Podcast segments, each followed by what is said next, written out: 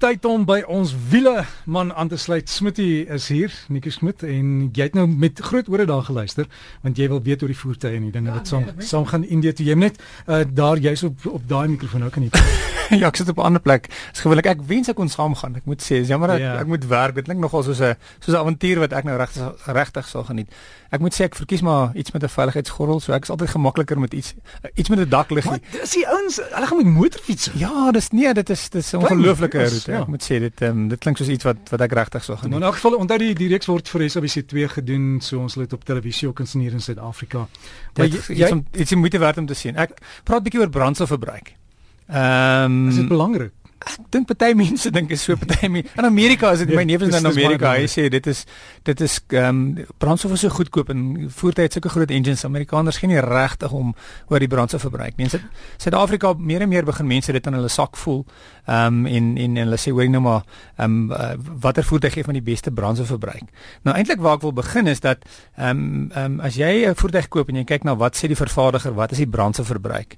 En wanneer jy self ry is daai daai daai sommetjies klop nie. Hulle is nooit dieselfde nie. En die rede daarvoor is dat ehm um, vervaardigers gebruik 'n toets wat hulle um, ons praat van NEDC. Dis hier kom Engels weer New European Driving Cycle. So die toets vir brandstofverbruik kom nou al eintlik van die 1980s af. En uh, in die 1980s en kan jy dink uh, voertuie was baie anders, daar was baie minder elektriese stelsels, die engines het anders gewerk. Ehm um, en om om om die standaarde dieselfde te maak word die kar effektiewelik in 'n laboratorium getoets op 'n roller, so dis 'n mm -hmm. die kar staan stil gekontroleer, dis gekontroleer. Ehm um, maar die probleem daarmee is dat voertuie het so verander uh, en die toets is nog dieselfde. En goeders wat jou brandstofverbruik baie beïnvloed is jou lugversorger, jou elektriese sitplekke, self daai agterry ehm um, ehm um, stelsel wat jy aansit met die draadjies wat wat keer dat dan nie wasem op vorm nie, dan ander elektriese stelsels soos radar, spoedbeheer en al daai goeders beïnvloed die brandstofverbruik van die engine. So al hoe meer en meer eh, het daai toets nie meer trek gehou met hoe voertuie verander het nie en die, die verskil het begin meer en meer en meer word. Byvoorbeeld in 2001 was dit om en by 7% verskil. Ehm um, 'n ander ding wat ek gelees het in 2013 was die verskil al klaar 30%.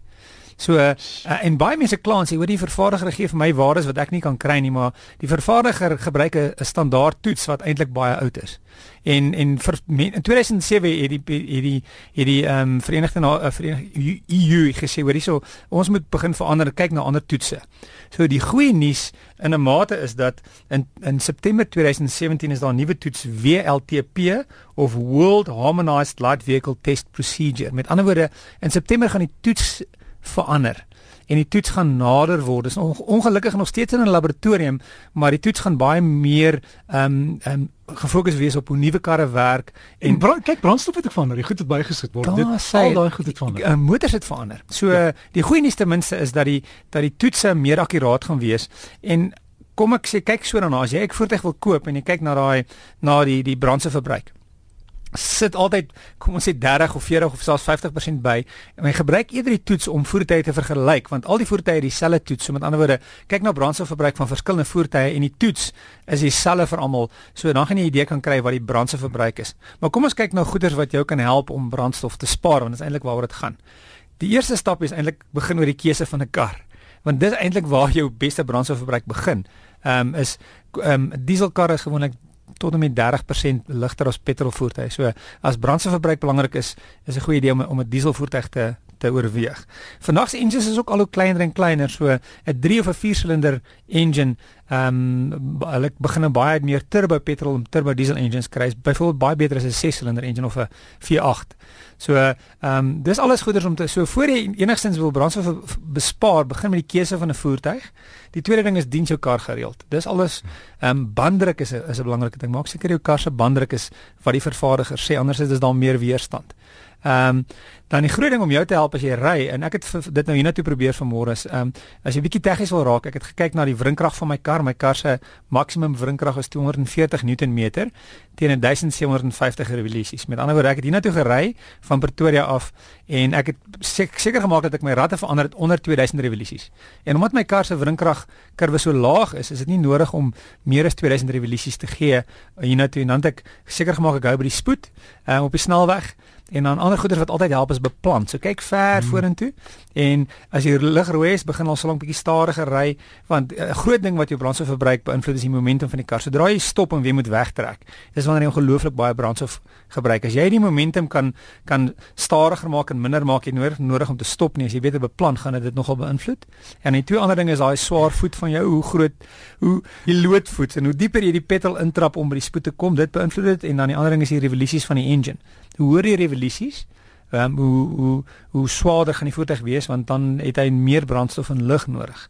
Maar die ander ding ook nogal om gedagte te hou is alhoewel hy brandstof wil, wil bespaar is om na om die regte ding vir engine is hy het nodig om deur die hele revolusies um, van engine te werk. So kom ons sê sê revolusies maksimum 6000 revolusies. Is dit nooit 'n goeie ding om met jou kar te ry 2, 3, 4000 revolusies en hy kry nooit kans om deur die hele um, band van revolusies te gaan nie. So dis nou, dit is eintlik nodig om om die engine Nou en dan. Nou en dan, as jy wil versnel, versnel sodat die engine kan gewoond raak ook sodat jy die engine daai hele revolusies gebruik en nie net 'n klein gedeelte van want hulle dit is regtig so hulle sê die engine word lei en dit is in 'n in 'n groot geval is dit baie maal nie die moeite werd om 'n kar te koop wat nie regtig uh, mooi gewerk het nie maar onthou as jy dit doen, wou altyd vir die engine om warm te wees ook 'n belangrike ding voor jy bietjie harder ry in die kar dat die die kar op op die regte temperature is. So dis die beste ding om jou te help brandstofverbruik is begin by die regte keuse van kar. Maar dit is ook lekker as jy 'n kar het wat dit kan doen. Daai keer wat jy moet wegtrek en jy sien jou drie speeltjie die karre kom nog agter jou.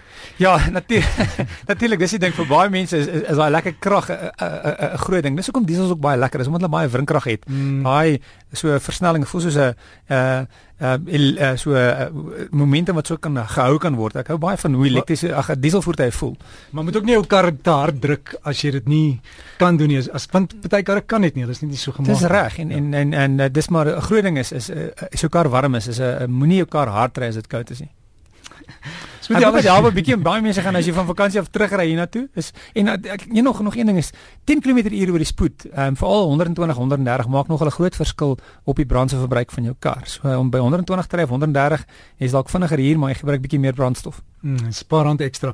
So met jy alles mee besig baie dankie en dit was nou interessant om te probeer om brandstof te bespaar waar moontlik. Ja, veilig ry.